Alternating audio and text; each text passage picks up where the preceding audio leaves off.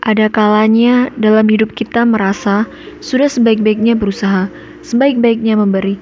Pokoknya sudah lebih dari kapasitas kita. Tapi tak kunjung menerima imbalan atau setidaknya apresiasilah yang sepadan. Tak sekali dua kali hal-hal seperti ini terjadi. Tidak segala hal kita terima sesuai porsi.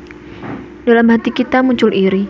Ada saja orang-orang yang usahanya tidak sekeras kita, tapi menerima apresiasi lebih dari seharusnya dan kita mulai bertanya-tanya, kok bisa ya? Apa yang kurang yang tidak aku lakukan? Untuk itu, aku sendiri tak tahu jawabannya. Sebab setiap hari hatiku masih mencari-cari pembenaran.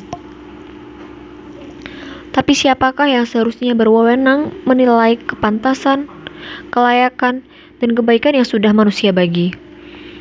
Mengapa sering hati kita diliputi kecewa oleh sebab runtuh ekspektasinya. Orang lain begini, kita begitu. Orang lain dapat ini, kita hanya dapat itu. Tapi hal ini sungguh menyadarkanku bahwa bukannya tak cukup apa yang kita terima, tapi karena kita tahu bahwa kita sebenarnya bisa menerima lebih.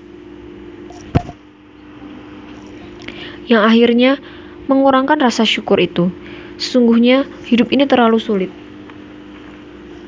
Kalau kita sudah sepenuh hati memberi, tapi hanya setengah hati menerima, apa yang kita jalani akan memberatkan kehidupan. Jadi ajang menghitung untung dan rugi, kalah dan menang. Padahal hidup begitu luas, seperti sebuah spektrum besar yang punya banyak lapisan dan akan jadi salah kita jika kita menilai gagal dan berhasil hanya dari satu sudut pandang. Pertanyaannya, sekarang apakah mau terus seperti itu? Sebaik-baiknya usaha adalah tanggung jawab manusia. Sebaik-baiknya penghargaan sepenuhnya di luar kendali kita. Jadi, apa yang bisa kita kerjakan juga sangat terbatas pada diri sendiri. Persoalan orang mau mengapresiasi itu hal lain lagi. Oleh karena itu, kita harus bisa terus mengimbangi setiap usaha dengan doa untuk bertahan setiap pemberian dengan hati yang ikhlas.